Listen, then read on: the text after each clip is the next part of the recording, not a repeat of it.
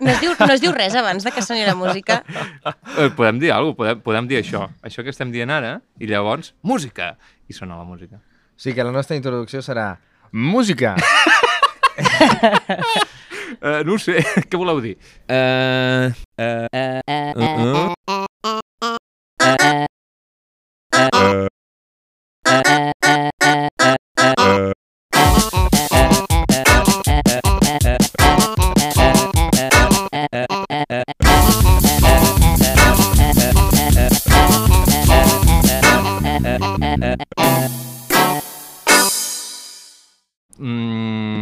Ara sí, vinga, comencem. Uh, clar, no, no puc dir bona tarda, què he de dir? no sabem si és bon dia, sigui, sigui l'hora que sigui, en el moment en què estàs escoltant això, bona hora que és. Estimat oient o oienta, sóc el Jaume Bernabéu i estàs escoltant, ja ho deus saber, tinc podcast, perquè això no és la ràdio, has pitjat un botó, per Clar, tant això no saps t'ho trobes. perfectament que estàs escoltant. Uh, dit això, eh, tinc aquí els apunts de, de, del que farem avui i abans de res tinc pròleg. I el pròleg que hi ha, el primer punt és introduir eh, tots vosaltres a la Betty, Betty què més? Badia. Betty Badia, quin nom més al·literatiu, que guai. Sí, creus? Badies. Mm, oh, no, però aviam, al·literatiu ho és sempre, perquè és Betty Badia, B, B. No, ho deia per, ho deia per de Badia, Badies, saps? És la brometa fàcil.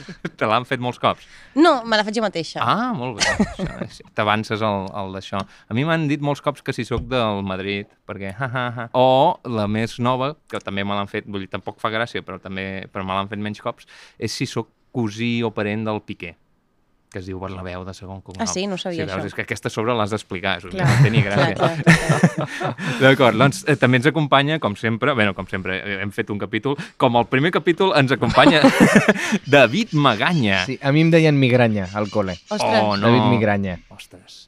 I uns ocellots que acaben de passar. Per què? Perquè no estem... L'altre cop ho vam fer per videotrucada i cadascú estava a casa seva i Dios en la de todos. Avui som a la terrassa de Napalm eh, Rental. Es diu així? Eh, eh, sí, em diuen que es diu així. Sí. El David Gascon, que amablement ens ha acollit, ens ha posat uns micros aquí tot guapos, micros de, de debò, eh, i fins i tot està gravant, no? Gràcies, David. Un aplaudiment. Gràcies, gràcies. Sí, sí, eh, és una... O sigui, el podcast ha evolucionat, ja no és aquella cosa tan amateur, és una cosa completament amateur, però a, a fora. Sí, toc. No, Ara tenim cadires. sí, però és molt interessant perquè en properes eh, sessions de gravació podeu venir. Si a algú li interessa, eh, ja sabeu, tincpodcast.gmail.com eh, per xarxes, que ten les tenim totes, Instagram, Twitter, Facebook, TikTok i tot, eh, anunciarem la data i, i qui vulgui que s'apunti, si us porteu bé. Així que estigueu amatents. Hem rebut feedback del primer Ah, capítol. això és interessant, ho volem saber. D'acord, doncs mireu. A mi m'interessa també especialment eh, en el sentit de que jo vaig participar en aquell programa Sí? i, i tenia 38 de febre. Això no ho vaig dir aquell Ostres! dia, aquell dia no ho vaig dir, 38 i mig estava. Llavors, avui em sento com una altra persona. Clar. És gairebé com si aquell David no fos el David que participa avui. I si ara no funciona? Ah, doncs ho tindríem, ho tindríem fotut, eh? M'hauríeu de fer fora. No, Diuen no, no. si no sempre pots com menjar guix o així per tenir febre. Clar. No? Això sempre s'ha dit. Has d'estar malalt sempre. Anar robant guix al, als col·les on vaig a donar classe. Però menjar guix et fa tenir febre? això, no ho sé, jo que feia moltes trampes de petita per anar al col·le, això ho vaig llegir per internet. No ho vaig arribar a fer mai perquè no era tan autodestructiva. Interessant, clar. La, uh, amb el David ens coneixíem de fa anys, amb la Beti ens estem coneixent ara mateix, com aquell que diu. Fa com mitja hora, de Sí, veritat. sí, sí. Clar, és que podríem explicar la història, Sí, no? de explica'ns com has arribat aquí, perquè també forma part una mica del feedback del primer capítol. Clar, vale. La història és que jo vaig veure com el Lluís, la persona que ha fet la música, Irieix. L'Irieix, exactament, un bon, molt bon músic, escoltor de la seva música, eh, va penjar una història tipus, eh, ha sortit aquest, aquest podcast, he fet la música. I vaig dir, què? Com que existeix aquest podcast i no me l'he inventat jo?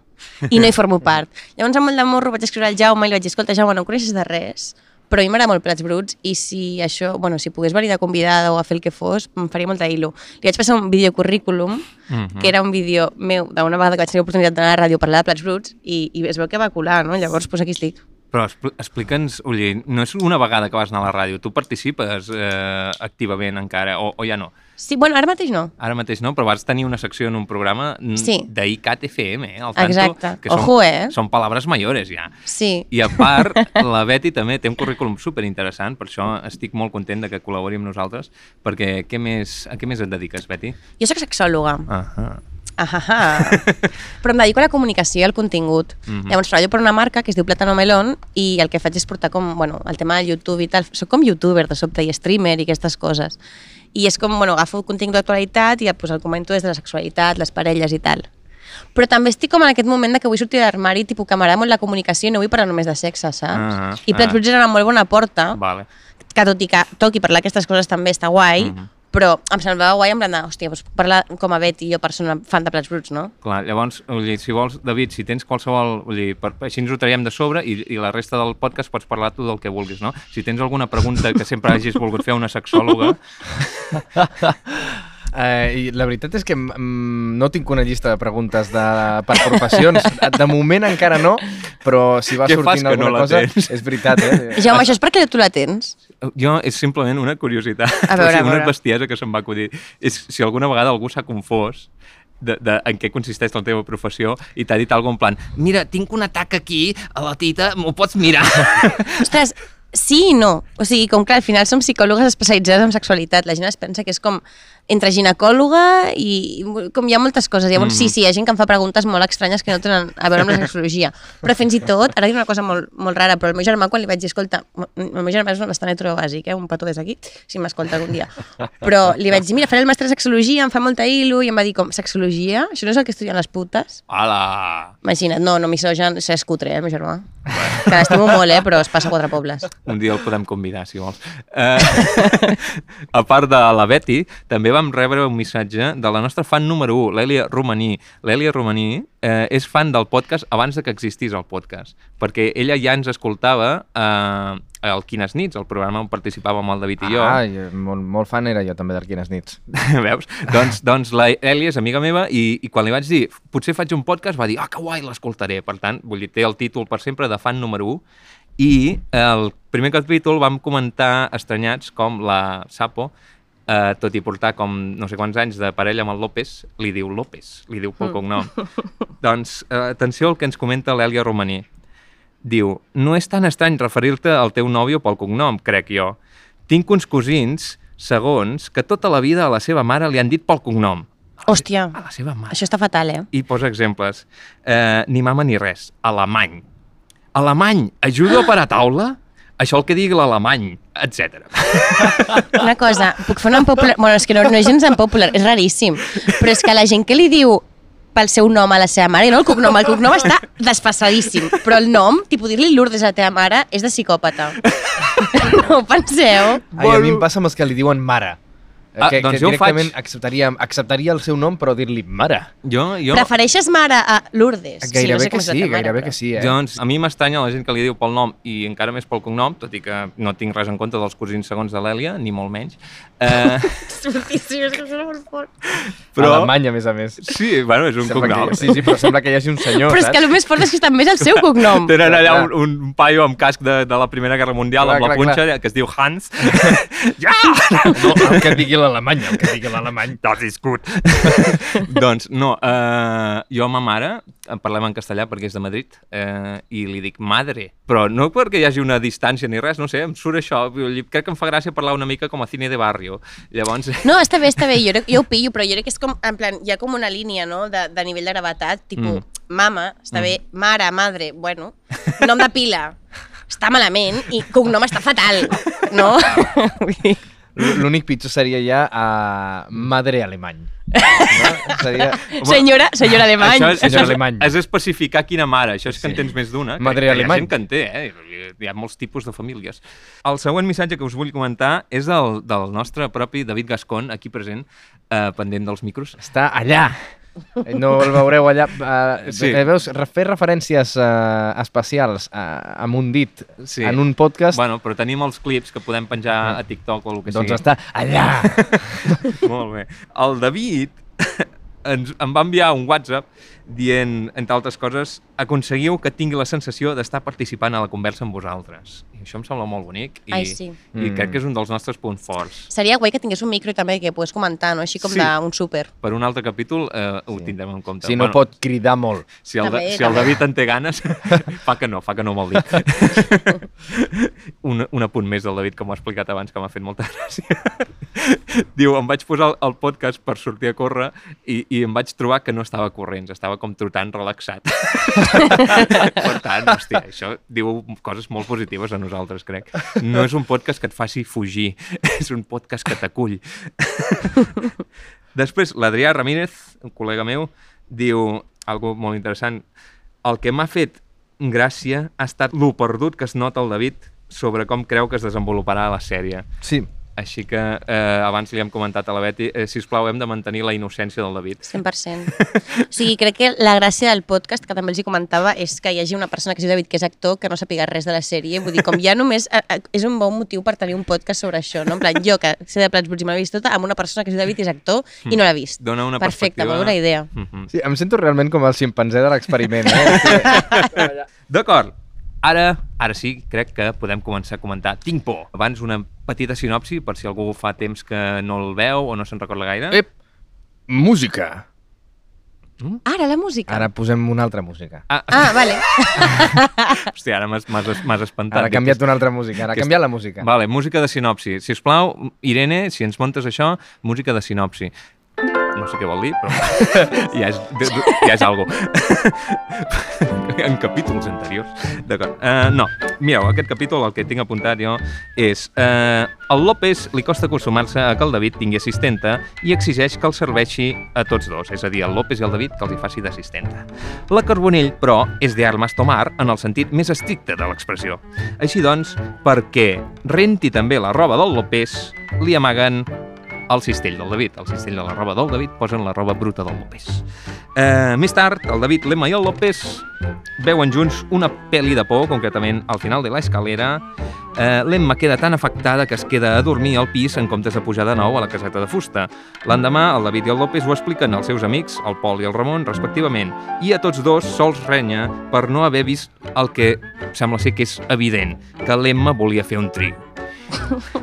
Naturalment, clar, el David i el López decideixen tornar a espantar-la perquè el trio es dugui a terme, no? El que faria qualsevol de nosaltres. Però bé, què passa al final? El, els dos plans surten malament, no? El pla de la Carbonell eh, surt malament perquè els enxampa i els hi fot una bona bronca i a més a més es declara en vaga indefinida i el pla de l'Emma surt malament perquè són, com bé els escriu l'Emma, uns sòmines que, que no, no són capaços de, de, bé, de portar bé la situació. Després la comentem, no? Per últim, el López, diguéssim que comença a acceptar la Carbonell quan aprèn que coneix personalment a Charlton Heston, el seu ídol, Brutal. i així s'acaba el capítol. Vinga, doncs, què voleu comentar primer? Home, jo com a persona que no ha vist Plats Bruts, jo m'espero un cameo de Charlton Heston. Més o menys, més o menys. en algun moment de la sèrie. En Sí. algun moment, no? Almenys a les temporades finals, jo espero a Charlton Heston que... O, No- o a un ximpanzé, també. O a un ximpa o a un simio, no? Clar. Molt bé. Uh, Betty, vols començar tu, si vols, ja que ets la nova? Vinga, va. Ostres, quina pressió ara que em poses, eh? Vale, a veure, jo tinc moments destacats, vale? Mhm. Primer de tot, m'agrada aquest capítol perquè és com una presentació dels personatges secundaris, no? Sí. Potser havíem vist poc de Ramon, poc de Carbonell, poc de Pol, no? I en aquest Mm. capítol ho veiem una mica més. Ara anirem a això. Tren. Em Sí. callo o seguim? No sé, David, Perquè què fem? bueno, Vale, parem. És que estem, estem a una terrassa i passen trens. Això suposo que ho tallarem, però bueno, jo explico. Passen, passen A partir trens, del moment de tren, tren tallem i a sobte com, no passa res. Passen trens a prop, no per la terrassa. Això ho hem de- ho hem d'especificar també. Estació, pròxima estació, Estaria Terrassa. guapíssim. Pla. Nosaltres estem fent el podcast des d'una des d'una des D'un d'una estació de vagó. tren, perquè és molt poètic, no? La vida Sí, sí, passa, sí. Plats Mm, també, i sí, acabat, sí, però... sí. Que la però estació sigui Terrassa Est, sigui aquesta Terrassa. Oh. D'acord. Total. Vale. Doncs, bueno, hi ha un moment que a mi em crea una mica de tensió, i li poso un punt crític de sexòloga, vale, aquí. Mm -hmm. Però que és, el, el, bueno, que és abans, fins i tot, crec que de que soni la música, que és el moment de ai, els picarols del David. No? Oh, ho volia comentar jo també. Déu-n'hi-do amb això, perquè és una frase com crec que... Bueno, no faré spoilers, no? Però bueno, surt més, és igual, surt més. Sí, és com no, la llum de sí, Lloret, sí, no? sí, que sí, vas dir... sí. Això no està en spoiler. pots dir, pots Uh, L'expressió picarols i el fet de banyar persones uh, torna a passar. Sí, Vale. totalment. Banyar persones adultes que no haurien de necessitar ajuda per banyar-se. Això en aquest capítol ja ha sortit dos o tres vegades. Perquè el Sí. Charlton Heston també el, ba- el banyava. Sí, Exacte. Sí, sí, sí. sí. No sé pronunciar el nom, eh? Cha- Charlton. Charlton. Jo, Charlton? Jo, ahir, quan, Charlton? quan prenia punts, vaig escriure primer Charlton, Charlton. Charlton, i després resulta que no, que té una T. Charlton. Charlton. Charlton bueno, Heston. el paio aquest. Eh, Ho podem dir en TV3, Charlton Heston. Charlton Heston. Doncs aquest, uh, sí, uh, jo, jo sobre el tema picarols uh, em pregunto si és un terme que es van inventar els guionistes. El guionista en concret d'aquest capítol és Sergi Pompermayer. Uh, podem obrir una secció que és fer-li la pilota perquè tinc el seu mail. Llavors, Ostres, li ja el convidarem un dia, llavors, Jaume, no? Sí, sí, però clar, hem de passar clips dient hosti, que bo que és el Sergi Pompermayer, eh? Però és que no hi ha fins i tot un capítol que parlen d'ell. Sí, sí, Vale. sí, hi ha un capítol on se l'esmena. Uh, oi que eres nom molt de bo. marca de ketchup. És veritat, una mica, Pompermayer. David, no diguis això, que no vindrà! no, no, no, no sap de què Ah, parla. no, ja el deixarem venir si porta ketchup. Senyor Pompermayer, no, no, no li faci cas. D'acord. Uh, doncs, no, però realment eh, eh, eh, m'he avançat una mica en la revisió de la sèrie i, i he de dir que potser els seus capítols són els que m'agraden més, i això ho dic amb sinceritat. Uh, però ja ens ho anirem trobant, no? Aquest, aquest en concret el va escriure ell i és un capítol que trobo bastant, bastant divertit. Mm, és guai. Uh, I això, no? Em pregunto si el tema picarols és una invenció seva o és algo que havia sentit, perquè jo no ho havia sentit en lloc més que, que plats bruts, no?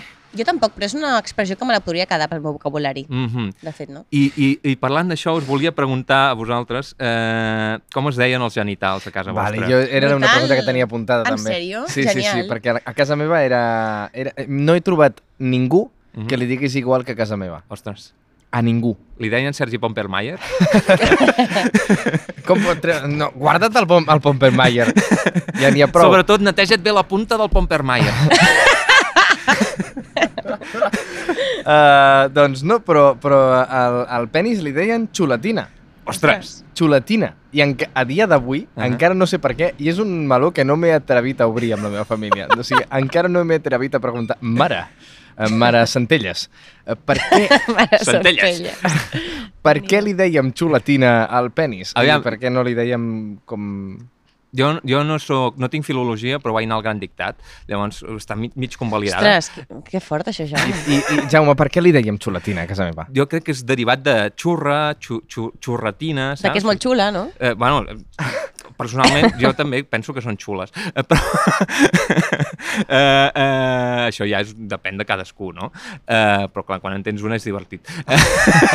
no, però, però sí, eh, jo crec que és derivat de xurra, que és un, o sigui que és un eh, eufemisme que he sentit més vegades. Saps xurra. què? Pel, pel proper dia que gravem em Mhm. comprometo A preguntar. a preguntar-ho A Centelles. i a dir-vos-ho. D'acord. Em sembla xulíssim, ja, perquè penso que això és una cosa com molt curiosa, no? Perquè Mm. realment és tan, tan, tan, tan tabú el tema de les zones íntimes Sí. que li hem de ficar com a apodos perquè ens fa molta por dir-li pel seu nom. I no hi ha cap altra zona del cos No. que ens faci com por dir-li pel seu nom. El colze és el colze, l'orella és l'orella i el nas és el nas, no? Sí, Però en sí, canvi sí. els genitals com sent tan tabú i, els, i és com que sembla que amb els nens no se'n pugui parlar i sigui Mhm. una cosa com super d'adults, s'hagi de ficar a, a, apodos, no? Com aquests I- i- pseudònims I produeix estranys. l'efecte contrari, perquè és molt més divertit parlar de la tita o dir tita que dir penis. Sí, però alhora també això és una putada, eh? Perquè fa que tu també privati... O sigui, com, ho veies com algo privat i tabú. No? Plan de, sí. Igual que amb la vulva. Mm. No? Tampoc es diu així, com, ah, no, el tot, no sé què. O sigui, trobem que no hi ha cap altra zona del cos que tingui tants, tants, tants, tants, Mm. tants, tants noms. Ja ho deia el tio aquest de rabo, nabo, pitxa, polla, no? Plan, Mhm. com, com són els genitals. I això no és una cosa, o sigui, com... Crec que, que és una cosa que, en veritat, no mola tant, eh? No, no, en realitat és perquè no. és una cosa com amagada, tabú i que no, Mm. de la que no es pot parlar, llavors hem de, ens hem de com inventar altres noms perquè Mhm. no sigui incòmode, perquè ens genera incomoditat parlar d'això. Mhm. I què fa? Que vas, vas al metge i, i, i vols dir-li com, mira, m'ha sortit un gra al penis i l'has un gra a la... A la- la no sé com dir-li. Ah, Tinc la xulatina a la rara. A No? casa Vull dir- meua, com que ma mare és, és de Madrid, no sé si tothom a Madrid ho fa, però teníem pirula i potorro. Ostres. En, en, en, home, pirula, dona, potorro. Bueno, però està, aquestes estan com més sentides, no? En, en el, més escoltades. Sí, sí, no són tan estranyes com xulatina o picarols. Com, com li dèieu a casa vostra? Sí que El no ens- pitu? No, el pitu? Uh -huh. I la vulva. Ah. Crec que és com ha de ser. Bueno, pitu, bueno... Podria ser però penis, vulva és, és correcte. no? Bueno, és una part Sí, bueno, de no tot sé, plegat. Tampoc me n'en recordo tant, però jo crec que sí. També tinc dos germans, jo, Ah, homes amb penis. Uh -huh. Els pitus i jo pues, crec que era la vulva. No sé, Mm. no recordo... Però tampoc ho faré. Jo si tinc fills algun dia, Sí. pitu o penis i Mm. vulva. Les Jo- per seu nom. Jo Molt important. m'he plantejat si tindré fills algun dia, però no he arribat tan lluny. Jo no, Clar, però vaig, perquè no ets sexòloga. Ah, és veritat. jo no vaig dir polla fins als 16 anys. I vas ser com, oh, lo que he dicho. Encara no ho dic, eh? A mi em costa, eh? Jo, jo penso, mira, tinc tita. Bueno, que no és que no em Podria pot- ser un capítol de Plats Bruts, tinc tita. Sí? Bueno, n'hi ha un que es diu Tinc patató, de fet. Tinc ja parlarem, patató, ja hi arribarem. Tinc sí. patató? Sí, Sí. no spoilers, no, David, A, no. a, a Flatwoods Ah. hi ha picarols i patatons. És veritat. Vale, una cosa, però puc acabar amb el meu argument al respecte d'això? I tant. Endavant. Vale, clar, és que m'he quedat a mitges. Paguem per això. Disculpa, Estupendo. Disculpa. Doncs, doncs, bueno, això, que la Carbonell diu que porta banyant el David tota la vida, no? Ai, els picarols, tal. I penso, una cosa, ara amb tot això que està passant, no? De que els monitors d'esplai no poden estar ni un moment amb els seus nens i tal, a dia d'avui potser saltaria aquí una mica d'alarma, en plan de, uau! No com de Mm, xungui-xungui, de que portis banyant un nen tota la teva vida i el segueixis banyant d'adult i li toquis els picarols. pot no ser, penseu? pot ser. Sí. Tipo que té una, té una línia ja turbia. Ah, mira, no, no me n'havia donat, però tens raó. Sí, sí. Clar, també hi ha el, el doble, aquesta doble moral, no? Que quan és d'un home cap a una dona salten les alarmes molt més ràpid, no? Vull dir, si fos un, un home que ha rentat tota la vida una nena i quan és adulta segueix allà manoseant-la, diries, ah, però com que és una senyora, Total. sembla que ens, ho- ens, ho, ho acceptem més, no sé per què. Però passa igual, o sigui, no de la mateixa proporció, però passa igual, No, no, això, evidentment. I, I els nens, nens amb, amb Mhm. gent de gènere masculí també, també són víctimes I d'això. tant, i tant, i tant. És, és un problema, és un problema que, que dels que tenim a la societat. Aquest capítol ens estem posant serios. Eh? de que això, no? La doble moral amb, amb l'assetjament sexual. Que, Tinc consciència. perquè el patriarcat, clar, o sigui, al revés, no? Sembla, o sigui, hi ha molts comentaris estúpids quan hi ha notícies d'això, d'un abús sexual de- d'una dona cap a un menor, de, que són en plan, hòstia, i si estava bona, doncs quina sort que ha tingut aquest criu, Uf, ha, ha, ha. I, Sí, sí. I és molt bèstia. Hm. D'acord. Uh... Bueno, doncs a veure, a veure com aixequem això, no? Sí, Ara, perquè- aquí el primer punt, perdoneu, he vingut i he semblat aquí una bomba de, de fantàstic, palma. m'he fantàstic. Ho agraïm Vale. moltíssim. Jo el que tenia apuntat, a part d'això dels picarols, quan estan veient al final de l'escalera, això ja és, és la següent escena, eh, hi ha una cosa que és una pregunta pel David, no? El, el David diu que els actors, al ser actors, es distancien prou de la pel·lícula com per no tenir por. Això m'ho he apuntat també, Ai, sí. sí. Què ens en pots dir, David? Jo us puc dir que si la pel·li és dolenta, segur. Sí, sí, sí. Si la pel·li és dolenta, estàs eh, intentant aprendre alguna cosa de la pel·li. Mm -hmm. O sigui, dius, mira, aquestes dues hores, eh, o gairebé tres hores, perquè amb les pel·lis d'ara, que duren gairebé totes tres hores ja, eh, dius, perdré tres hores, com puc aprofitar l'estona per, per treure'n alguna cosa jo, no? I, Mm. mm. Vale, va, doncs pensa en aquest actor, què és el que està fent, com està treballant el personatge, com està dient, com fa... Però és realment... Bueno, si la pel·li és bona, t'hi fiques. Mm. Esclar. Uh, bueno, que és el que li estava passant Sí. al David, que, o sigui, que sí però que tu tenia penses por. que si la pel·li és bona i tu has sigut actor d'aquesta... Bueno, no, en plan, vale. O sigui, si tu has sigut actor d'aquesta pel·li, vale, si ets actor d'aquella pel·li, si ets actor d'aquella pel·li, no et farà gens de no por, hi ha cap opció a gaudir-la. No hi ha cap opció. Passeu cringe quan veieu les cap vostres I pel·lis? tant. Bueno, Vale, a mi em ah, passa amb els vídeos de YouTube. Depèn de cadascú, eh? Però, però Jo- quan et veus a tu mateix i a més a més fent un personatge que Mm. no és com tu, Mm. dius, mm, però això es notarà?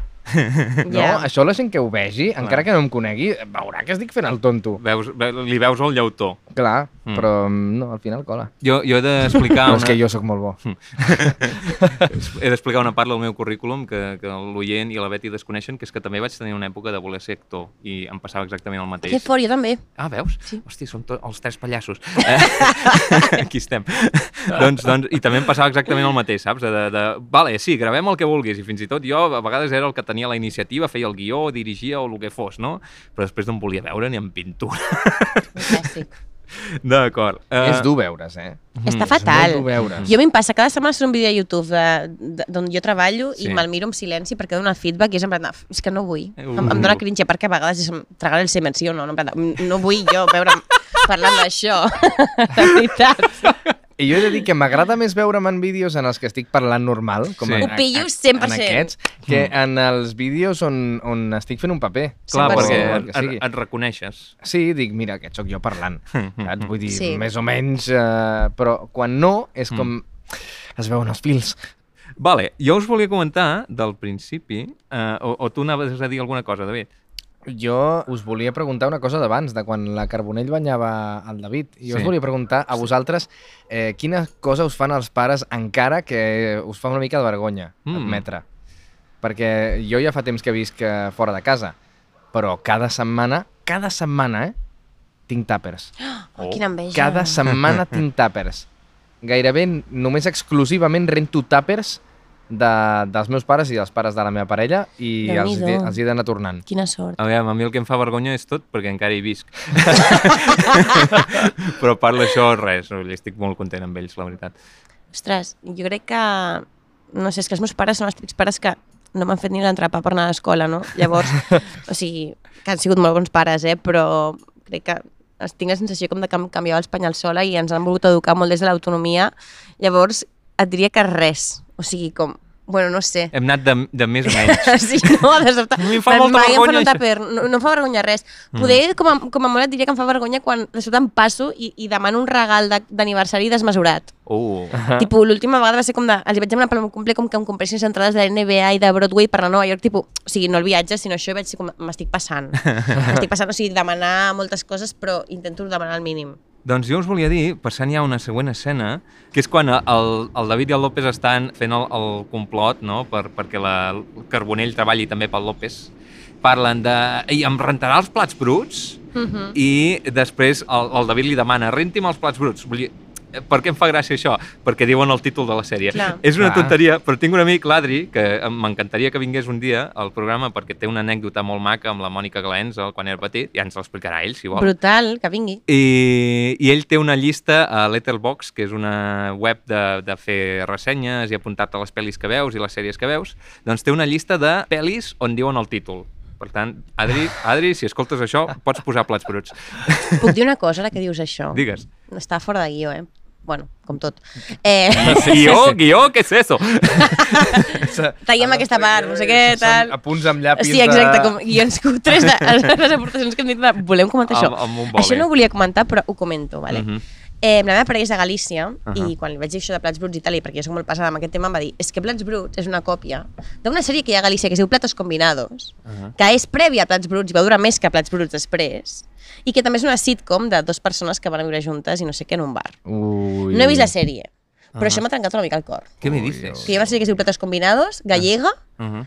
que surt com el, algun mític actor de lleu que no sé quin és que després com una mica amb el que va passar amb el López i després Antonio Recio Mm -hmm. i bueno, però Plats Bruts sempre serà millor jo Doncs penso. hauríem de venir a, a, a, a algú, potser el teu xicot, o algú altre que tingui tant, tant els referents gallecs com els referents catalans i pugui fer la comparativa amb criteri, sí, no? és veritat, això estaria perfecte Heu vist Platos Sucios?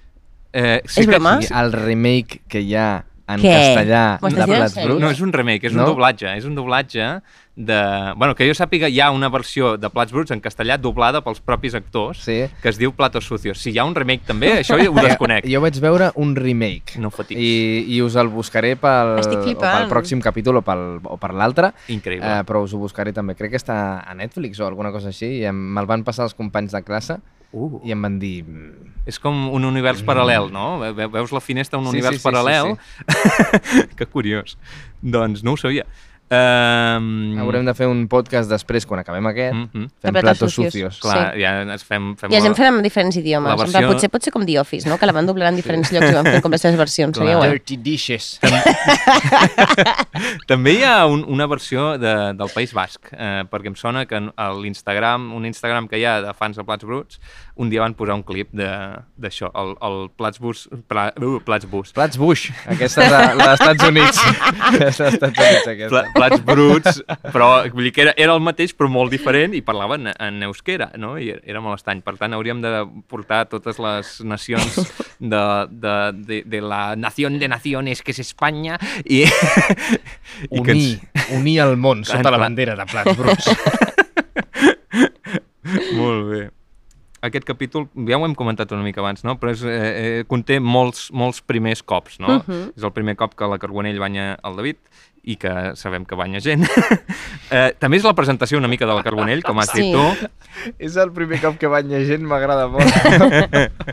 i també és la presentació de l'Emma. No? El, el primer capítol comentàvem el David i jo que, que l'Emma i la Carbonell estan allà però una mica de casualitat, vull dir, no sabem res d'elles, no? I en canvi, per tant, després, David, si ens vols comentar què t'han semblat els personatges, o ara mateix, ja que ha sortit el tema, Eh, ara em pilles una mica de, de, de que no sé què dir, però, però m'ho penso, em pensaré arguments. D'acord. I, I no només surten la Carbonell i l'Emma, sinó que també surten per primer cop les seves frases recurrents. Això també és una mica spoiler. Sí, el primer vale, no? A vale de la, de la Emma i la Carbonell diu Che!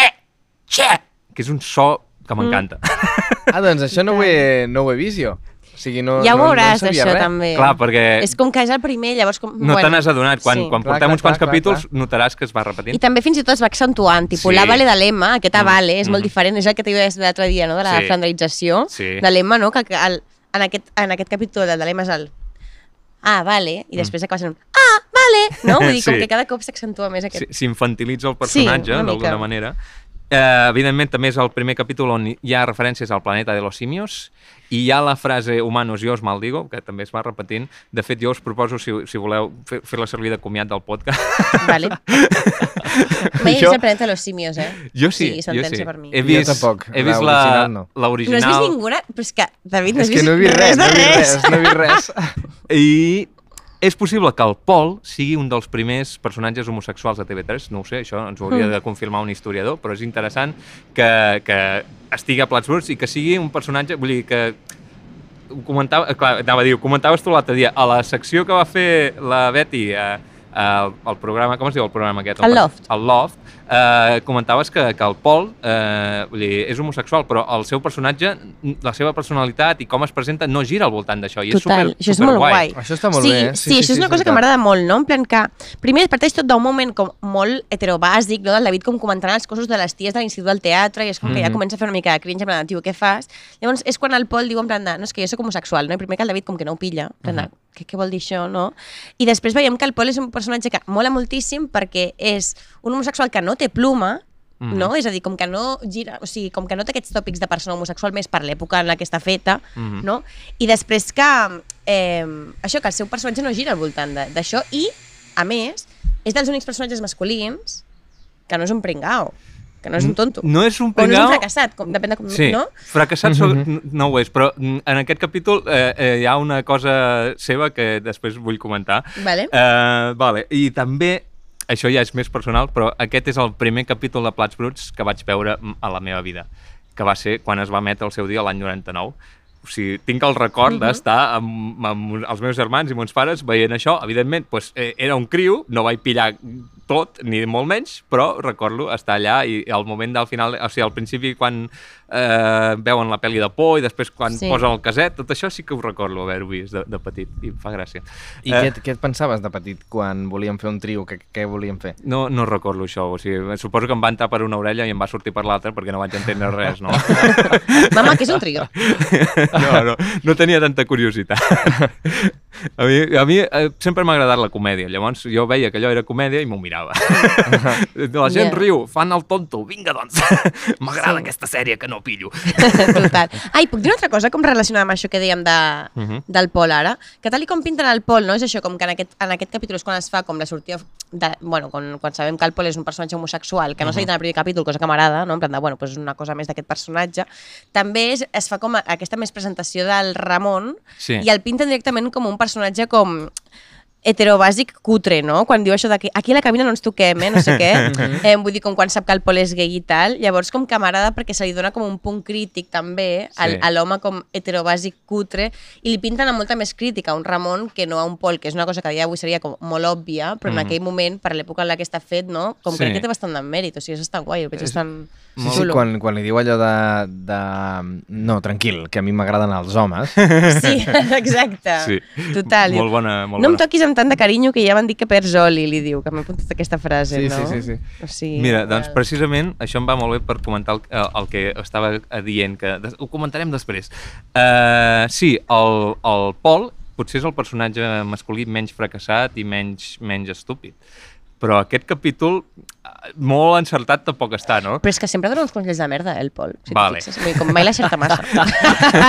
Però ho diu amb una seguretat. Exacte, no, té molta sí. seguretat, però, vull dir, eh, realment eh, tampoc el- reclama. eh, Tant, hi ha un paral·lelisme, no? Vull dir, eh, tant el López com el David expliquen als seus amics, el Ramon i el Pol, respectivament, pues, el tema aquest, no? L'Emma ahir es va quedar a dormir a casa i no sé què, Mm. I, I el Ramon, que és un estúpid, li diu, eh, bueno, això és que volia fer un trio, però el Pol també li diu això, saps? Que és una assumpció una mica Total. agosarada. És arriscada, és Totalment. arriscada. Però que al final... Al final Al resulta final és que... veritat. que... Però podria no ser-ho perfectament, Sí, no? podria no ser-ho. com, ha sigut per casualitats de la vida, però ja Sí. quan ho estàs escoltant penses aquests tios. Vull dir, com, jo d'aquí trec una reflexió que és en plan, no te'n fiïs dels teus amics homes, Mm. parlant sobre el que vol una dona, perquè no entenen res, tipus, no? Són dos peus que, que, que no tenen ni puta idea tampoc de com entendre eh, co- com una tia pensa, que tampoc és que sigui tan diferent com un tio o una tia No. pensa, no? Però és com, les ties si fan això és perquè tal, no? I em fa molta gràcia, justament, que la visió del Pol és com, l'Eva em va semblar una tia molt oberta, molt moderna, en sentit Mhm. positiu, no? Per això voldria fer un trio, i la del Ramon és, aquestes ties joves i modernes són unes marranes. No? que veiem aquest, els dos punts, com de, Sí, és un és en veritat. positiu, tipus, és tan enrotllada que voldria fer un trio, i l'altre és en plan de, és tan marrana que voldria fer un trio. Ja, no? ja, Des de la misogínia una Sí. mica i des del eh, LGTB support una Mhm. mica, no? Molt ben vist, sí senyora. També des de, des de l'excessiu. O sigui, des del, des del... Assumeixo que, Mhm. com que ets modern, doncs voldràs fer Clar. tot, Sí, totes total. aquestes coses. es va que, tot, no? Clar. que són modernes. Uh, un trio, que modern un trio. I encara hi ha aquesta concepció una mica, no? De, i, Sí. i, i he vist moltes vegades repetit, no sé si va ser la primera vegada o no, el gag aquest de vull fer un trio i després quan arribo a poder fer el trio no em ve tant de gust. Mm. I de Mm. realment no estic a gust amb això. Vull fer un trio perquè està romantitzat el trio, però 100%. realment no vull fer un trio. Ja. Però està claríssim, i quan el David diu com, no, jo trios n'he fet moltíssims, tal, no sé què. No? I sembla com que al principi sí, després arriba aquest punt en què diuen però sí, tu, tu, jo ni ens mirem, eh? No? Vull dir, com Sí, ni sí, ens sí, sí. toquem... Bueno, El després López- parlarem d'això perquè també té molta Mm. tela. El López em sembla que, que diu un, trio és molt més enriquidor, eh? Sí, que em fa molta gràcia. total. Jo volia destacar una frase, la, la frase les veïnes per nombre sem ai, Ai, per, sí, per norma bo. sempre volen fer trios. Eh, Aquí, aquí ens estem avançant una mica perquè eh, saps que mm, m'agrada que parlem dels moments favorits de cada capítol. Sí. Crec que és el moment que em va fer més griu, riure. O sigui, el Ramon dient això amb, amb la seguretat de, de qui diu una veritat com un temple.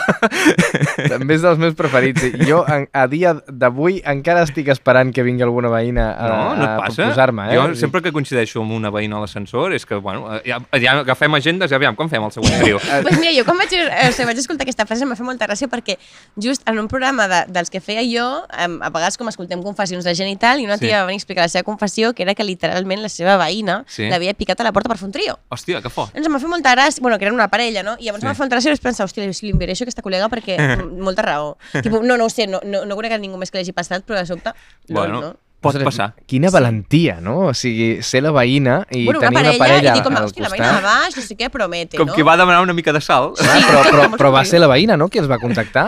les, els veïns, que eren parella, van Sí. com mm, anar a casa d'aquesta tia, no? Mhm. I com s'estava insinuant, i en un moment va dir com, una cosa, però què és que voleu? És que, que estic patada, tinc ressaca, en plan, voleu fer un trio? I va dir com, sí, tal, la nostra idea, i bueno, no me'n Que recordo, no me'n fort, recordo si acaba passant o no, Quines coses, tu. eh, però sí, sí, fort. Molt rebé, molt rebé. No, Està flipant, el David, ara, superboig, m'he quedat superboig. Com, com a parella, parlar amb la teva parella. Escolta, la veïna? Sí, no, la veïna, sí. Tal. Anem a proposar-li, anem a proposar-li. I picar-li a la porta i, Quins collons.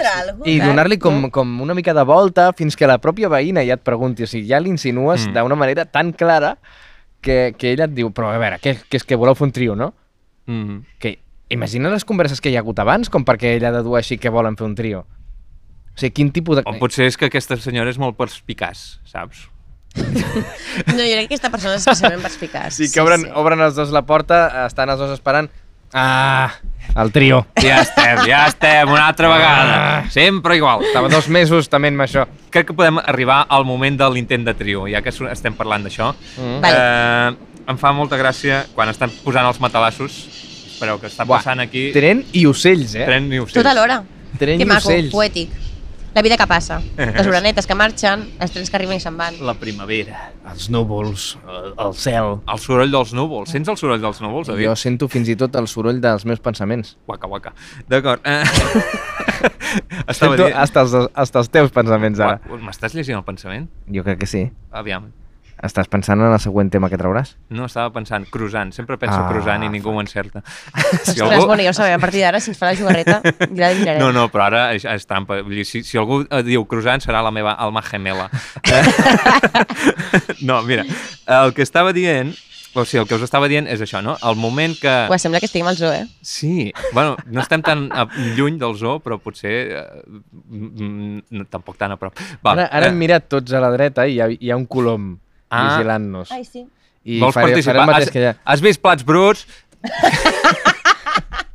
Quin és el teu personatge Potser aquest colom favorit? era un, un dels coloms que estava com a la terrassa, no? Ah. Del coquet. De... Mhm. Vine aquí. D'acord. Com si no fos un Va, decorat. que ja ha passat vale, el tren, va. Per tercera vegada us dic, Som-hi. ja sóc aquí. No, eh, això era una frase dels pastorets del meu poble. Estan muntant els matalassos, no? El David i el López. Estan preparant el menjador per, com a zona per fer trios. I un dels dos, no recordo quin, comenta no serà molt evident Llavors, jo us pregunto, si, us passés això, si us trobéssiu aquest tinglado, seríeu tants per, tan per- perspicaços com la col·lega de la Betty i, i assumiríeu, ostres, volen fer un trio amb mi. Eh, jo crec que sí. sí, Sí? Jo, jo crec que seria prou perspicaç i també ho jugaria una mica. Sí. No? Jo crec que, que això ho faríem servir com a, a element de, de sensualitat. El, sé que volen fer un trio, jo també vull Home, fer un clar. trio, però Això et relaxa, anem a no? jugar-ho. Dius, ah, bueno, ja no cal, ja no tinc dubtes. Eh, Està clar que volen fer un trio, perquè Exacte. si no aquest, aquest eh, tinglado tan esperpèntic... Mm. Jo crec que no, eh? Bueno, ja, és que ja ho hem parlat abans, jo soc una mica Emma, no? Sí? abans hem dit com que els nostres alter egos, no? és Una veritat. mica... És- No estàvem eh, gravant-ho, així que ara ho repetirem. Per als Hem oients, dit que el Jaume era una mica el López, Bueno, el David era una mica el David, que era la part de la gràcia del David, no? que és actor i és el David, Mhm. i jo era una mica l'Emma, també Sí. per l'outfit, no? Hem Sí, dit. sí, sí, jo, sí. jo soc molt de portar colorets, també. fantàstic. Llavors, Doncs- bueno, sí. I, I a part, eh, eh, està entre nosaltres, que es va incorporar també com a, a arran del primer capítol, l'Anna, Anna Giovanni, que eh, la Betty la coneix personalment i jo, jo, jo he dit, pot ser una mica la Carbonell perquè ens fa la feina bruta, ens fa la producció, ens porta les xarxes i tu dius que realment és una mica Carbonell, no? Jo he dit com de, ostres, Anna és una tia canyera, em podria ser la Carbonell perfectament. Perfecte, sí, sí. doncs ja, ja hi som Total. tots, pràcticament.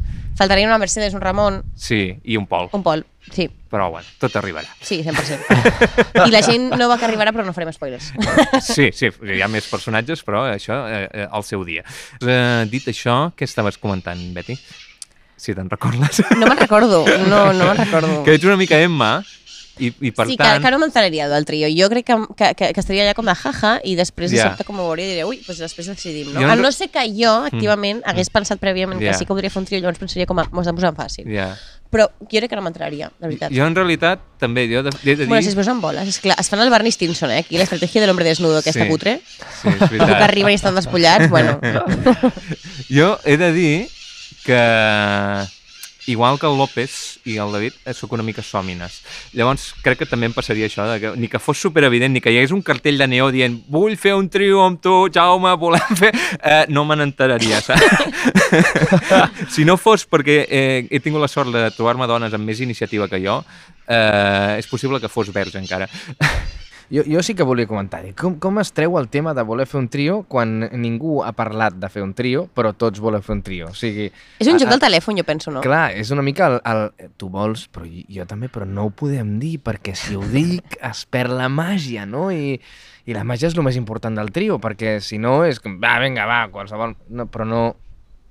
És, és bonic de que surti el trio, però un trio no acostuma a sorgir. No, eh? jo crec que s'ha de Però parlar això és una abans. mica, jo crec que això és una mica un, un mite, no?, de, de que el sexe ha de ser espontani, xulíssim Sí. i ha de sorgir, però no, no estic massa d'acord, No? realment. No, en plan, el sexe pot ser molt guai, fins i tot que sigui agendat, i crec que una, un gran punt i una gran clau de que el sexe surti bé a vegades és la comunicació prèvia, eh? I tant. Clar, I més clar, quan clar, estem clar. parlant de trios o de BDSM o de coses com més fora de lo, del sexe convencional. Clar, Clar, però això quan ja portes una temporada, no? El, el primer ha de ser difícil de, de, de comunicar, el primer trio. Bueno, pel, pels Sí. tabús i els complexes que tinguis tu interiorment, no? Però realment estic d'acord amb la Betty que és superimportant la comunicació i, i, i a més amb algo que no has fet mai, no? I dius, hòstia, i això com funciona, no? Una mica, vull dir, no és un bon exemple, però el David i el López ho fan, no? De, no ens mirem, no ens toquem, no sé què, no sé quantos. O sigui, hi ha una comunicació, Sí. una comunicació molt estúpida, però hi ha una comunicació. Però és que això, jo això us ho volia preguntar, perquè a mi em fa molta gràcia no, que això, això que diuen de no ens mirarem ni ens tocarem ni res, que jo veig com una mica d'homofòbia allà interioritzada, no? Però sembla, llavors per què vols fer un trio? Això. Pel relat, per explicar-ho, perquè clar, al final estaràs follant amb una tia, igual que sembla ser un home hetero, amb una altra persona allà fent expectant. Per això diuen al final Vull que no, no en té. tenen tantes ganes, perquè diuen al final és, és que no... Bueno, és que la gràcia del trio no la gaudirem. Clar, vull dir, serà com... Sí, no sé. Però també passa una cosa, no? Això a vegades és que quan ens posem nerviosos, Mhm. la nostra resposta sexual s'anula. Clar. Perquè és en plan, com que si detectem que hi ha una amenaça, que, que a vegades és aquests, el, els nervis, no? la nostra resposta sexual diu com de, vale, la sangre la envio hacia los pies i les manos per sortir corrents i ja no estàs per això. En plan, l'últim que penses al teu cos és en follar. El que pensa és, en plan, fuig d'aquesta situació i se't passen les ganes. Vale, és normal, això- el desig va així. Vale, vale. Em, em, em consola saber que és normal. És supernormal, Jaume, de veritat. No, Que jo, jo he de dir que això que dic de, de complexes interior, interns i tabús els tinc una mica encara, saps? I a vegades penso, hòstia, però que, que vaig com una moto, què em passa? Què és això? No, no, és, és, és un clàssic. El que passa és que no ens ho expliquen, això. La puta primavera, eh? Allò de que la sang altera, t'ho juro, cada, cada primavera em passa que tinc una època que és com... Pues, jo també estic molt d'acord amb vosaltres que la comunicació és, és essencial, però perquè hi hagi un punt de vista diferent, doncs jugaré a que no. Vale. Que malons. El millor és no dir res. No dir res, no? Que surti espontani i de sobte estigueu follant. Sí, exacte. Que de sota us mireu i hi hagi aquesta connexió meravellosa de dir, de dir mm, ah, Això, això ha passava arribat als, el moment. als anuncis d'Axe, passava això. Sí, però amb la, la vida real no ho sé pas. Volia dir, és una tonteria molt gran, però m'he apuntat. que és que el, el, es despullen a la vida de López, però López es deixa el rellotge. I vols dir que no seria molt incòmode? no ho sé, és una tonteria molt Posem el rellotge posat, no? Jo crec que molt teoria, si portés rellotge. Ostres, no hi he pensat mai això. És com potser com el dilema dels mitjons o no, no? En plan, com... Yeah. Bueno, Vols que digui la veritat? Jo Sí. sempre me'l me trec el rellotge, a, Ahà. avui no em porto, eh, però perquè tinc un rellotge d'aquells digitals i quan Ah. perdo el carregador estic tres setmanes que no el carrego i perquè no sé on és el carregador. Però no deu ser tan incòmode, no? Jo, per exemple, les arracades me les deixo. Ah, ah, I els collarets i tot, que em dutxo amb ell, amb tot això. Vull dir, com... Clar, clar, doncs clar, clar. jo tinc Bueno, insomni des de fa molts anys i, i em- a la- a l'hora d'anar a dormir Sí. em genera amb moltíssima ansietat. Sí. Llavors, si em deixo el rellotge posat durant l'estona del sexe, est- ah, hi ha dies que fins i tot eh, durant Uh -huh. és allò de tens el, el braç al darrere del cap de la teva parella, I et mires l'hora. estàs a l'acte, mires l'hora Estàs com i dius- cronometrant-te. avui penses- bon temps, bon ritme. I hi ha, hi ha només un Cronòmetre! moment, eh? Hi ha un momentet petit que se't cola el pensament pel cap de cony, avui dormiré menys. I 8 hores menys, Ja 15 està. minuts que portem aquí, no?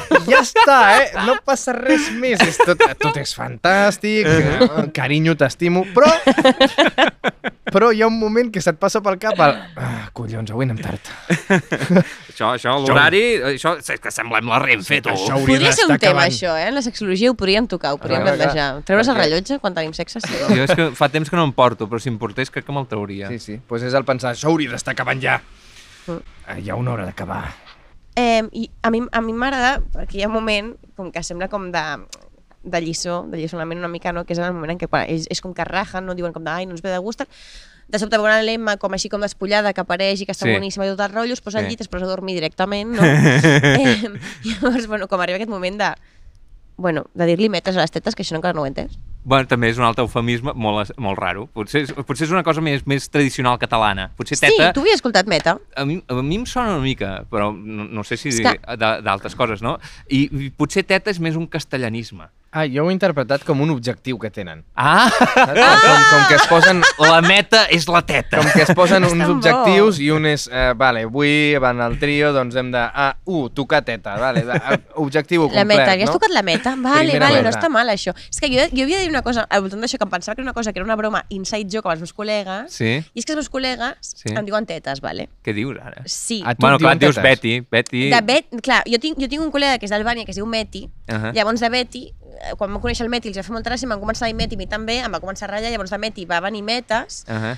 i de Metes van a Tetes. Llavors Ahà. ara sóc la Tetis. O la tetes, vale? depèn, però va haver un moment que es deien metes i llavors quan em toca una teta se'm de metes. I fa gràcia perquè jo no soc una persona amb les tetes especialment grans, no? Llavors és com Ahà. que tot plegat té la seva gràcia. I jo vaig pensar, tipus, hòstia, potser de sobte jo pensava que era una inside joke dels col·legues, això Sí. de les metes, i es diu. Sí, I us volia jo- preguntar per això, tipus, ho havia escoltat alguna Em- vegada perquè a mi m'ha sorprès Em moltíssim. sembla que està una mica en No. desús, però crec que és una... Eh, jo tinc un amic que també li diem un, uh, té, té un mal nom, que, que realment és mal nom, que no té res a veure amb el que Digue'l, et no, pensaries. digues el nom ara. Mira, li diem el Lefas. Hòstia santíssima. Ostres, déu nhi eh? I, Què us ha fet? Això, I això, si voleu, us explico, perquè va ser, va ser una anècdota bastant bona. Ell eh, era un tio molt estricte amb les normes i va dir, jo fins als 18 anys, fins als 18 anys no penso provar l'alcohol, perquè fins als 18 anys no es pot provar l'alcohol legalment, per tant, fins als 18 anys jo no beuré ni una gota d'alcohol. Però als 18 Uh -huh. allà us convidaré a tots al Sant Patrick's, que és un pub irlandès, eh, on hi ha una carta de cervesa ex- extensíssima Mm. I allà em veuré la meva primera cervesa. Oh. I llavors vam anar vam, als 18 anys... I era una que Lefe de havíem- cervesa. Exacte, exacte. M'encanta! Exacte, I, ah, però és que a més a més el tio s'hi va recrear, eh? Va estar 35 minuts mirant la carta de cerveses, no exagero, 35 minuts perquè va dir Home, aquesta és la pel relat." cervesa Clar. que marcarà la resta Clar, dels meus clar, dies. clar, clar. I va girar-se al cambrer i va, va demanar, por favor, póngame una lefa. I, I des de llavors és el lefas i, i no s'ho ha tret i té 27 anys i encara seguirà Ostres, sent el lefas. Això, això m'ha recordat a Tito Lefas, aviat. una història de quan vaig, quan vaig fer jo els 18 anys també va ser fent una cosa mm, molt adulta, totalment adulta. Ai, Déu meu, què és això? Era... Què està passant? Hi havia eleccions. Ah. I jo pensava, em tocarà votar? Collons, si em va tocar... President? va tocar la taula? Sí, President o què? vocal. Ostres. Tot el dia allà sentat, va ser molt divertit. vale, després d'aquest petit incís... Brutal, una història... Bueno, jo ara aquí me'n vaig, eh? Però una història d'amor que m'agrada molt és la meva jefa i la seva parella, Uh -huh. que es van conèixer en una mesa electoral. Ah, sí? Ella fent de...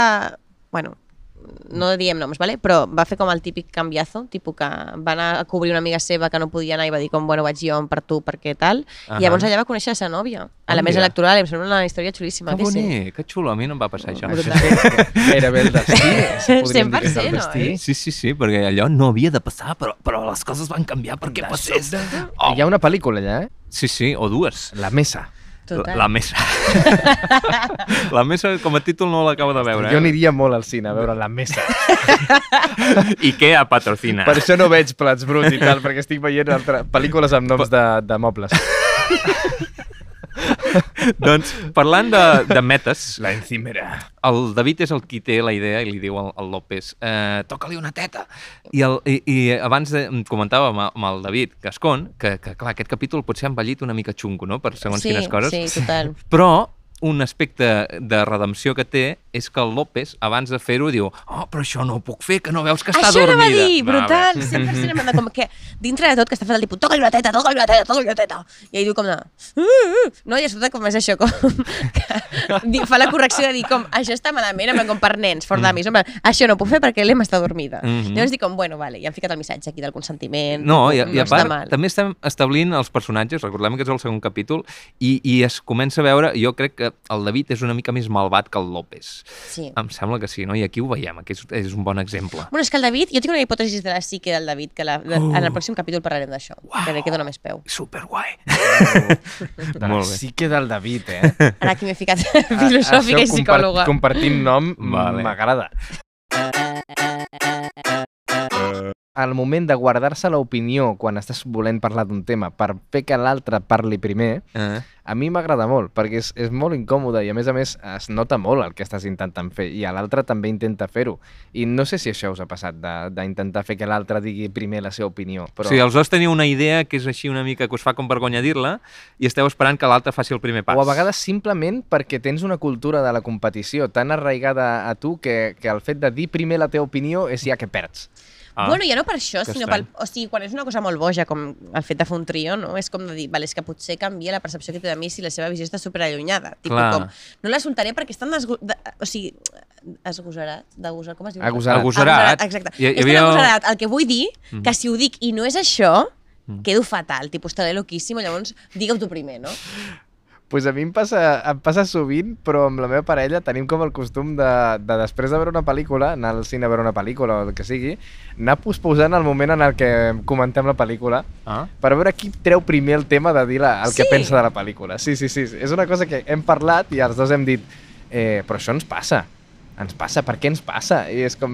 Per avaluar l'altra persona, a veure qui cau primer. és, a, a, potser deu ser O el... el... Potser busqueu estar d'acord i llavors, clar, vols saber què, què opina l'altre per donar-li una mica la raó. Eh, jo crec que és al revés, que, que volem no estar d'acord. Ah, sí? pilles volem saco, jo- Jo rebatre'ns. estic superdint en aquest argument. Sí, sí, sí, plan volem rebatre'ns l'opinió.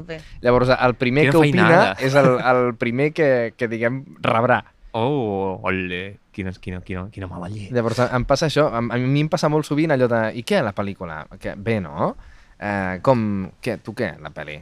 I, i ella, pues, no, pues bé, però, però tu què en penses, no? I, i anar pues, posant el tema. Eh, A mi he empatitzat molt en aquest moment. Ah, curiós.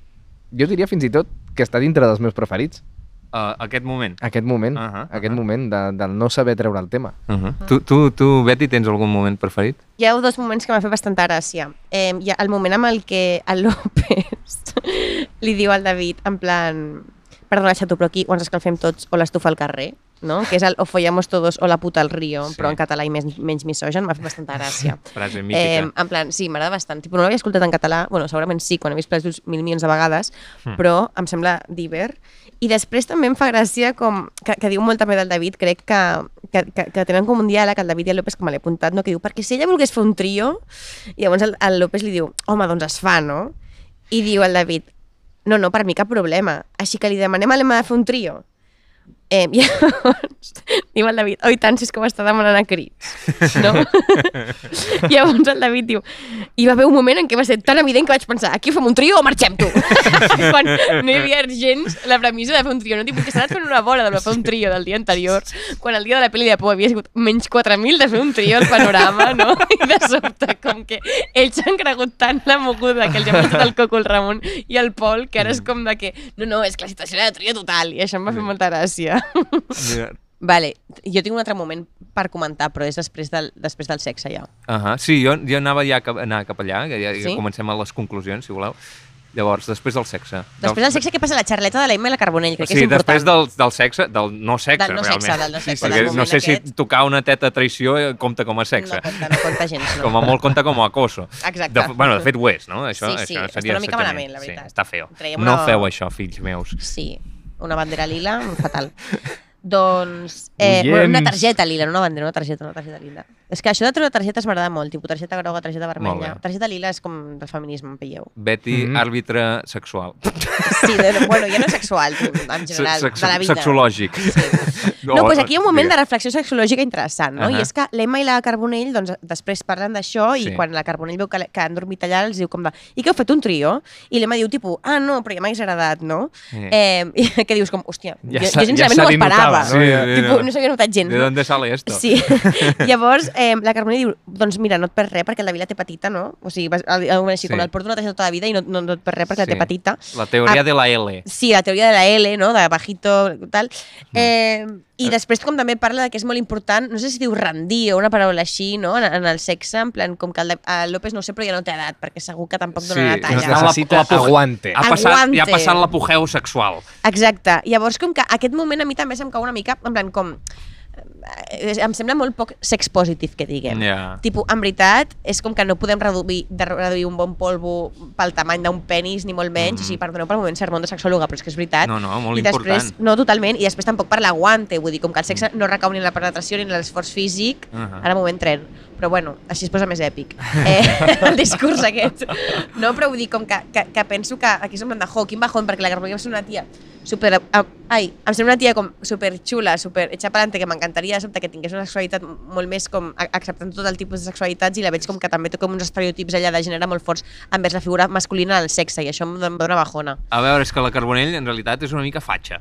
És un Sí, personatge un que m'agrada eh? molt, Ja. eh? però té, Sí, sí, sí. és a l'Associació Nacional del Rifle, eh, és amiga del Charlton Heston, que era el fatxa més fatxa dels Estats Units, i de, de, de, ben bé d'esquerres no se la veu. Jo us volia preguntar una cosa també de la, de la Carbonell i relacionada amb, amb viure independitzat. Sí. I és, eh, vosaltres, clar, evidentment, heu de fer tasques de casa, també. Sí. Sí. I, I jo no tinc rentaplats, no sé com va això a casa Jo vostra, tampoc. però, però Mots plats bruts. clar, exacte, és que fer totes aquestes tasques de casa és, és molt atabalador i són moltes hores.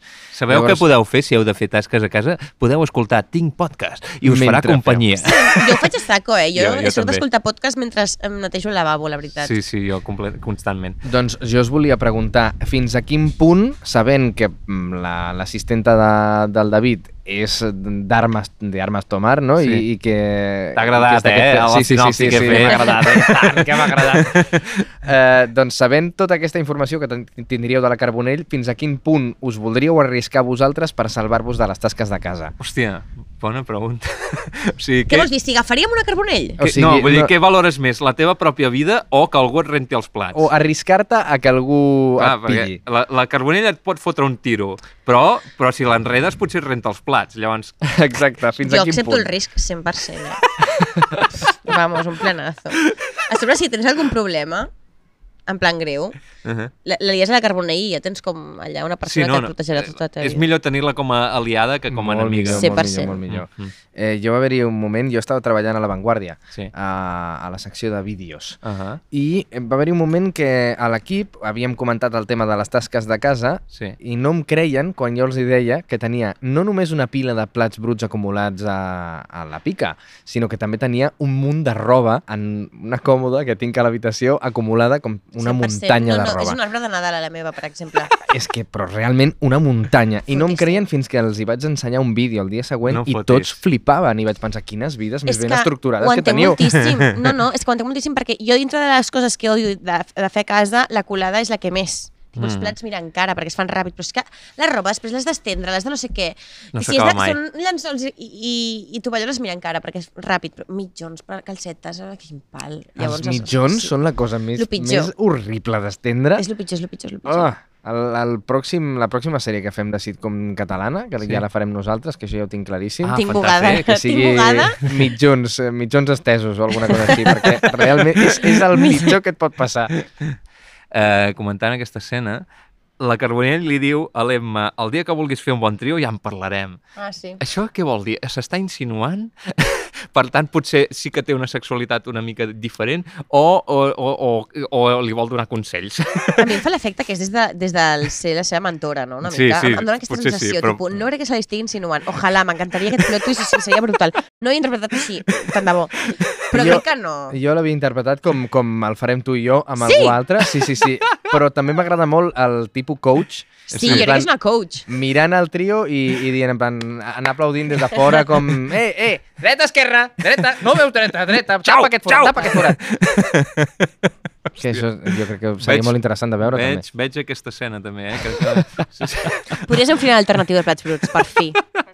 Vale, eh, doncs per, per últim, o almenys els meus apunts, eh, això, ja t'ho he preguntat una mica abans, no sé si ara estàs més preparat, els personatges que has conegut millor en aquest capítol, què, què ens en pots dir? Eh, Si, si, si tens alguna cosa més a dir, de l'Emma, de la Carbonell, del Pol. Sí, de la Carbonell sí que tinc més, més a dir perquè m'ha quedat com més clara la seva personalitat que Ah. la de l'Emma. La de l'Emma eh, he sabut més del que diuen d'ella que per ella. Oh, clar. O sigui, diuen que és una tia molt moderna, que, que és Molt no sé marrana. Què, i, i, molt marrana, i, i després ella diu que volia fer el trio, Ah. però com que tampoc es veu la intenció de fer el trio en, durant el capítol, doncs a mi em té una mica desori desorientat, l'Emma. Sí. No sé per on tiren el personatge. De moment el veig com el personatge menys definit de, de tots. Sí que la veig com... Fins ara la veig com més innocent. Mm -hmm. Per, de, del no interpreto la, la Que- voluntat d'aquests de, de fer el trio quan m'han tirat aquí els matalassos, no? Mm. I després, ai, aquests sòmines, aquests sòmines que no, no m'ho deixen gens clar, no, no hi ha manera de fer un trio amb aquests sòmines que em deixen els matalassos aquí, es despullen quan, quan torno, i no sé què, què més els hi he de dir. Que, queda't una mica amb això de Emma Innocència. Sí, perquè... jo crec que és interessant també. Clar, clar, clar, sí, ja sí, m'imagino que no deu tenir res a veure, però ara de moment, de moment No és, el que, és el que veig. I la Carbonell, a mi m'agrada molt tot això de, de fer-la de l'Associació Nacional del Rifle, de, de que la fotessin fora de la mili per violenta. Això és brutal, això és una cosa que ens haguem de quedar, jo penso Sí. també, com que és molt definitori de la Carbonell. Sí, Bueno, jo crec que serà, serà per aquesta línia. La, la Carbonell la tinc ben definida. d'acord. Guai. Alguna previsió més, llavors? Previsió? Sí, de sí. moment no, excepte el trio entre Carbonell, Emma i Charlon Heston. Res més. Molt bé, doncs que, voleu comentar alguna cosa més sobre Tinc por? No, per mi ja està, o sigui, com... Crec que tot el que volia dir ja pràcticament ho he dit. Si, si fiquem el dit a la llaga segur que podem treure més coses, però Ja portem com... Sí, eh, eh, estem que allargant, eh? tenim un bon contingut per fer un Exacte. capítol de Tinc Podcast. Aleshores, eh, Tinc podcast, es podria dir aquest. tinc po ha doncs, Si, eh, si voleu, afegeix una, una última cosa, que és Digues. quan el, el David, el personatge del Joel Joan, afegeix sobre el personatge del Pol els homosexuals a l'institut tothom, tothom ho és i ho tenen més fàcil perquè són més sensibles. Sí. sí, de fet, ara, ara m'has recordat una frase que tinc apuntada perquè em fa moltíssima gràcia. Mm -hmm. Potser també és un dels meus moments favorits del capítol, és quan el David explica, per, per relativitzar com la importància que li ha donat a que sigui homosexual, diu, no, aviam, si, si no fos perquè m'encanten Ah, les sí, ties, sí, això seria No homosexual. homosexual. Molt bo, això. Sí. Doncs eh, res, volia dir que com a persona que ha estudiat eh, Teatre. interpretació, no? Mhm. que, que ha estat en una escola de teatre, és cert que, que la heteronormativitat és més difícil de trobar en, Mm. en escoles de teatre. No sé si és perquè les persones no tan normatives tenen interès artístic o perquè l'interès artístic ve d'un estar com molt obert amb el món i molt, molt obert als estímuls i llavors ja llavors et poses en, un, en una formació teatral. Clar, què, què va ser primer, l'ou o la gallina? Exacte, això no ho sé, però sí que crec que es compleix una mica el- l'estereotip de que hi ha menys gent heteronormativa en estudis artístics. Mm -hmm, mm -hmm. Curiós. Jo crec que sí que té a veure amb l'obertura. Uh -huh. O sigui, crec que també dedicar-se a coses artístiques en certa manera pot ser eh, un Has de risc tenir- que, que prens com Mm. quan surts de l'armari, no? Evidentment, Ja. el, el, ser hetero no ser hetero, ser bisexual Mm. o ser... La teoria intersexual no la tries. El que tu et vols dedicar i el que vols estudiar sí, que això és una cosa molt Mm. diferent, no? Mm. Però sí que sento que hi ha una cosa que, que, que és aquest, això de dir com, vale, me la jugo com em visc eh, tal i com sóc jo per dintre, no? I l'art, en certa manera, també és viure com, com tu ets i, i, i treure-ho cap enfora, no? Clar. Eh, Has de tenir una sensibilitat. Jo, Una... salvant les Vull distàncies... dir, com que penso que tampoc tam, que, que és una mica una fal·làcia dir que tota la gent que estudia teatre eh, No, o clar. sigui, com hi ha gent de tot tipus de tot arreu i Mhm. això és una cosa com supernatural Evidentment. evidentment però bueno, és com per què? Pues l'ou la gallina, en psicologia passa el mateix no? en plan, jo, jo he estudiat psicologia i també és com una carrera que, que com a enfermeria suposo hi ha moltes ties Ah, no? Mm. Eh, I els homes que hi ha... Per... Bueno, no, no sé què dir-te, en plan, l'orientació sexual, perquè soc una persona que tinc... O sigui, com... No, no sé com dir-ho això, però no, no mai em fixo en l'orientació sexual de les persones. Ahà, ahà. Vull dir, com, Mhm. no és una cosa que tingui present com a de, arma definitòria de la gent, però que, que, que sí que hi ha coses més associades a una cosa o a l'altra. Jo crec que el teatre és un món molt de... Bueno, potser sí que és un món que està molt associat a la dona, no? A l'institut, pel que sé, hi ha moltes més places per ties que per tios, per Sí, tant sí, sé que sí. és més fàcil, no?, entrar si ets un tio, perquè Sí, tinc entès, sí, sí, sí, perquè sí, en sí, proporció, sí, sí. no? perquè passa, en el teatre es passa això. busquen més uh, tios perquè no n'hi ha tants i després Clar. hi ha més papers masculins que papers femenins Mm. uh, normalment a les pel·lícules Hòstia, i sèries. clar. I jo, salvant les distàncies, però sí que sento que quan vaig uh, dir que volia ser actor professional, sí que vaig haver de sortir una mica de l'armari, Mhm. de- I d'anar-ho per què no es fa posant... puta? Anar-ho com, com primer... Ara ho has pillat, no? Sí, sí, m'ha costat una mica, però m'ha fet molta... Això va ser el primer, això va ser el primer sí, però és capítol. molt bo, és molt Ho he bo, pillat això. fins i tot jo, eh? Sí.